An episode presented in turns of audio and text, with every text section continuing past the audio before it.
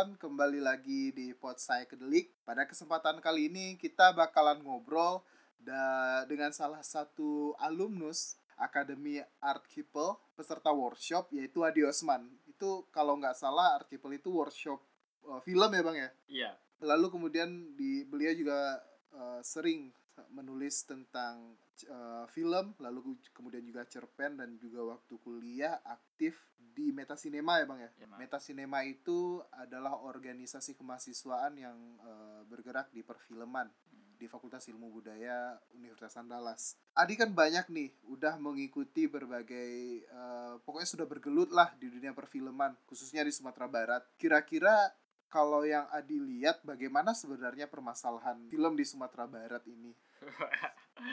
Pertanyaan awal sungguh berat ternyata ya. Ah, santai saja. Sebenarnya kalau permasalahan film di, di di Indonesia atau di Sumbar terutama cukup kompleks. Pertama kita bisa melihat dari apa yang ada. Pertama kita ada itu ada sekolah film di Padang Panjang. Kemudian ada bioskop-bioskop juga yang tidak terlalu banyak, cuma ada di Padang. Kemudian mana lagi ya di Bukit Tinggi nggak ada.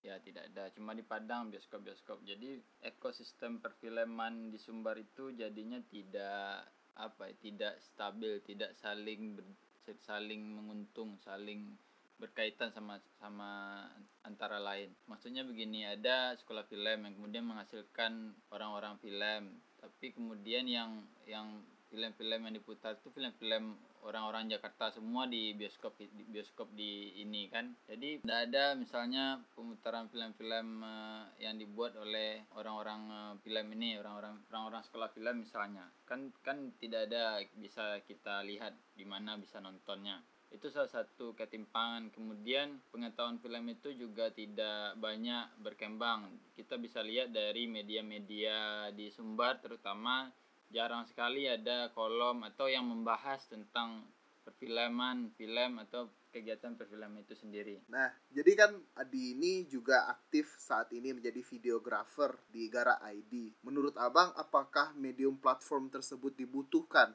untuk saat ini? ya eh, seperti kondisi ek- ekosistem tadi ketika eh, ekosistem kita lihat misalnya yang kalau kita posisikan idealnya itu selain ada sekolah film kemudian ada bioskop kemudian ada juga ars- pengarsip ada yang arsip juga yang yang kita tahu di Sumber sendiri tidak tidak ada. Di mana kita bisa lihat arsip-arsip film? Tidak ada. Kemudian ada juga eh, apresiator atau kritik yang yang kemudian eh, tangannya itu ada di media-media.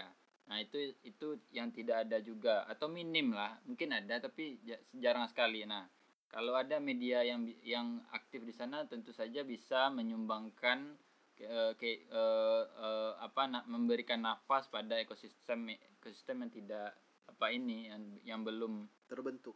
ya belum terbentuk lah. Ma- masih masih timpang sekali lah. Ini lagi, tadi kan saya membuka diskusi ini dengan bahwa Bang Adi pernah ikut salah satu workshop perfilman. Boleh ceritain nggak Ya. pengalamannya buat kawan-kawan pendengar yang Ya, ya. tertarik? jadi eh, di wak- waktu menjadi mahasiswa itu eh, ada keinginan kuat untuk mempelajari film ini yang kemudian kami saya dan kawan-kawan mencari cara atau selain belajar sendiri lewat Google, YouTube dan buku-buku yang yang bisa diakses kami juga membutuhkan semacam workshop atau eh, penggalian ilmu tatap muka workshop akademi dan lain-lain seperti itu. Akhirnya ada kalau ada kesempatan eh, orang eh, atau komunitas-komunitas yang membuka apa lokal karya mem- eh, mempelajari film itu kami terus eh, mengikuti berusaha untuk bisa mengikuti itu jadi sebelum Akademi Archipel saya juga pernah ikut workshop di Jogja di acara. Setelah itu saya juga ikut workshop di yang diadakan kawan-kawan Lenteng. Nah itu sebenarnya saya eh, untuk memuaskan hasrat untuk mempelajari film itu sendiri karena kita tahu selain di dari media tadi kita bisa pelajari akses-akses eh, terhadap pengetahuan-pengetahuan itu atau pembicaraan atau diskusi itu sendiri di sini di Sumbar terutama itu sangat minim sekali. Mungkin ada tapi tidak bisa diakses. Mungkin ada di Padang Panjang atau di mana itu kan tapi jarang sekali kita kita temukan. Akhirnya cari kesempatan di dalam keadaan-keadaan seperti itu. Jadi eh ya, jadi saya jadi terpikir bahwa bisa nggak kita menilai bagaimana perkembangan ekosistem perfilman di Sumbar khususnya dari produksi film yang dihasilkan, Bang. Soalnya kan kalau kita misalnya mau cek di Google contohnya, Ya. ada beberapa film, tapi lebih banyak eh, itu seperti tugas akhir mahasiswa di kafe atau Hmm. perfilman atau mungkin yang ikut festival. Boleh nggak kita menilainya dari output eh, film tersebut? itu salah satu poin sebenarnya berapa film yang dihasilkan itu itu salah satu poin kalau kita bicara ekosistem itu misalnya di sawah itu ada kata ada padi ada ular ada tikus ada apa lagi? Ada tanah cacing hama dan lain-lain. Itu kan Ada petani, Bang. Ah, ada petani juga. Sudah tuh ada ada elang kan? Heeh. itu kan saling tergantung saling terkait semuanya itu. Ini ke sini A ke B B ke C C ke D D ke E. Dan kemudian menciptakan sebuah lingkaran yang saling be- berkait yang akhirnya menghidupkan ekosistem sawah itu. Begitu pula di film sebenarnya. Jadi ketika ularnya banyak tapi tidak ada tikus yang kenyang tentu saja cuma elangnya saja. Begitu juga di ekosistem walaupun filmnya banyak yang yang diproduksi tetapi tidak ada ruang apresiasi tidak tidak ada pemutarannya tidak ada pembahasannya tidak ada yang men- eh, eh, eh, apa itu ya semacam arsip untuk hal-hal tersebut. Jadi percuma saja akhirnya yang kenyang elangnya saja Ini maksudnya gimana nih, Bang? Eh, apa yang kurang dari ekosistem di Sumbar sendiri menurut Abang? jadi jadi kalau ada misalnya ada banyak produksi film ada kemudian ada ruang pemutaran yang bisa mendistribusikan film-film yang diproduksi tadi sehingga penontonnya menjadi me- me- menjadi luas ada masyarakat masyarakat yang mungkin jarang me- me- menonton atau mendapati film-film yang diproduksi oleh kawan-kawan di di Sumbar yang yang pasti saja atau kecenderungannya untuk mem- membuat eh, konten-konten terkait hal-hal sekitar kita yang kemudian penonton pun sangat dekat dengan cerita-cerita itu kan. Ah, kemudian selain itu ada juga pembahasan-pembahasannya. Kemudian ada eh, semacam festival yang akan menambah eh, atau memicu mutu dan semangat dari kawan-kawan produksi dan kawan-kawan di ekosistem tadi itu baru beberapa sih kolahnya lagi kan Oh iya, kita butuh ada sekolahnya ya bang. Saya sih penasaran seperti ini. Saya ingin eh, sedikit membandingkannya bang. Hmm. Kalau misalnya kita lihat dari wilayah, rata-rata kebanyakan film pendek lah. Kita bicara soal produksi film independen bang. Hmm. Ekosistemnya itu terbentuk seperti di, Jogja contohnya. Yang bahkan dari dinas kebudayaannya itu punya program tersendiri untuk, alokasinya. Ah, fasilitasinya iya, seperti memfasilitasi. film tili itu ya Ya, iya, seperti itulah salah satunya. Terus saya saya cek juga ada beberapa yang rata-rata dimodali oleh Ya. dinas kebudayaannya, bang. Di, di Sumbar ada enggak bang kayak gitu? dulu ada dibuat kon di apa nih eh, dinas pariwisata ini pernah buat festival Sumbar Film Festival di tahun 2018 ada programnya yang memfasilitasi jadi dia menerima proposal kemudian di difasilitasi untuk untuk pembuatan filmnya di 2017 ada juga tapi tidak terbuka fasilitasinya. Di ri- 2018 yang terbuka fasilitasinya itu tapi cuma sekali jalan itu saja yang ada fasilitasi itu. Dan kemudian kemari tidak ada lagi. Ya tidak ada. Kemarin pas eh, bertemu dengan kawan-kawan eh, Jog- eh, apa isi benang panjang pas di Payakumbuh kemarin. Itu pasti pakai kubu acara apa ya? acara art camp kemarin itu Oh, kan iya. curhat juga kawan-kawan film ini. Itu salah satu apa itu eh, penjanggal penjanggal juga itu persoalan pendana ini susah cari itu bantuan-bantuan dana di di sini katanya Kalau boleh cerita nih bang, orang kan ngelihatnya produksi film itu rata-rata penonton yang tidak terlalu tahu bagaimana ekosistem itu dari film yang ditayangkan dan sekarang itu ruangnya salah satunya YouTube gitu. Hmm. Dan mereka melihat kayak ah masa film kayak gini doang butuh dana yang besar. Emang berapa sih dana yang dibutuhkan untuk membuat sebuah film bang? buat film ya? Macam-macam sih banyak range-nya sih. Misalkan saya pernah buat film Ba- waktu itu bahkan tidak ada film terakhir saya 2017 itu ti- tidak ada kami mengumpulkan uang. Kami cuma syuting beberapa hari dan tidak ada itu kami pakai uang masing-masing beli makan masing-masing beli minum masing-masing Cu- cuma begitu. Tidak ada terkhusus mengumpulkan uang kemudian kami jumlahkan tapi itu salah satu modal juga. 2015 saya juga pernah bikin film dengan kawan-kawan. Itu sampai 15 atau 20 juta habis. Nah, jadi itu jadi tahun berapa bang? 2015 2015 Ya. jadi 15 sampai 20 juta. 2015 iya. Ya untuk satu film? Itu satu film ya saya kira itu palingan 200 ribu 500 ribu. Nah, jadi macam-macam sebenarnya dari uh, tergantung apa juga desain produksinya juga. Jadi kalau waktu itu yang yang 20 itu karena syuting di luar kota juga transport dan kami syuting sampai seminggu lebih.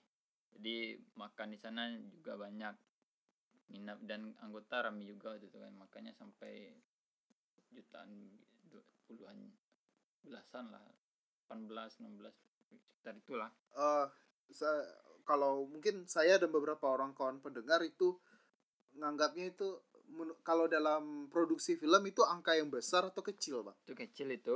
Itu itu buat film pendek aja itu. Itu 15-20 itu kecil. Iya. Untuk satu film pendek. Iya. Itu feedbacknya apa bang setelah mengeluarkan dana sebesar itu feedbacknya apa buat yang kawan-kawan produksi? yang waktu itu kita menang juara dua lomba waktu itu. Lumayan lah balik balik modal. Ya balik Eh, modal balabu atau balik modal? Balik modal.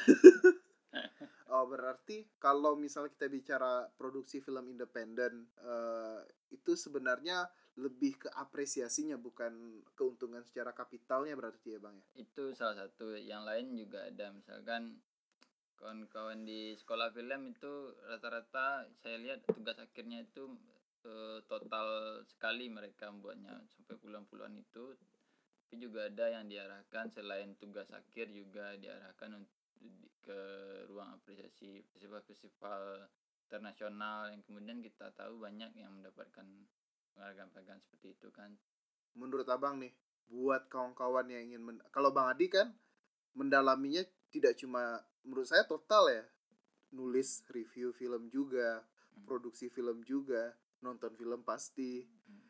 Eh, apa yang harus dilakukan? Rata-rata kan sekarang eh, saya adalah orang yang menyukai film katanya. Karena dia sering nonton drakor sampai pagi. Hmm.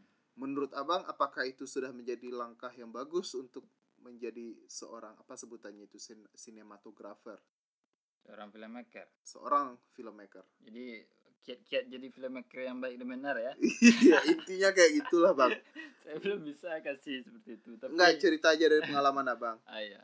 Saya kira kalau untuk membuat film terutama kita mesti tahu modal film cerita pertama yang paling penting kan. Setelah cerita modal seperti apa yang mau kita buat.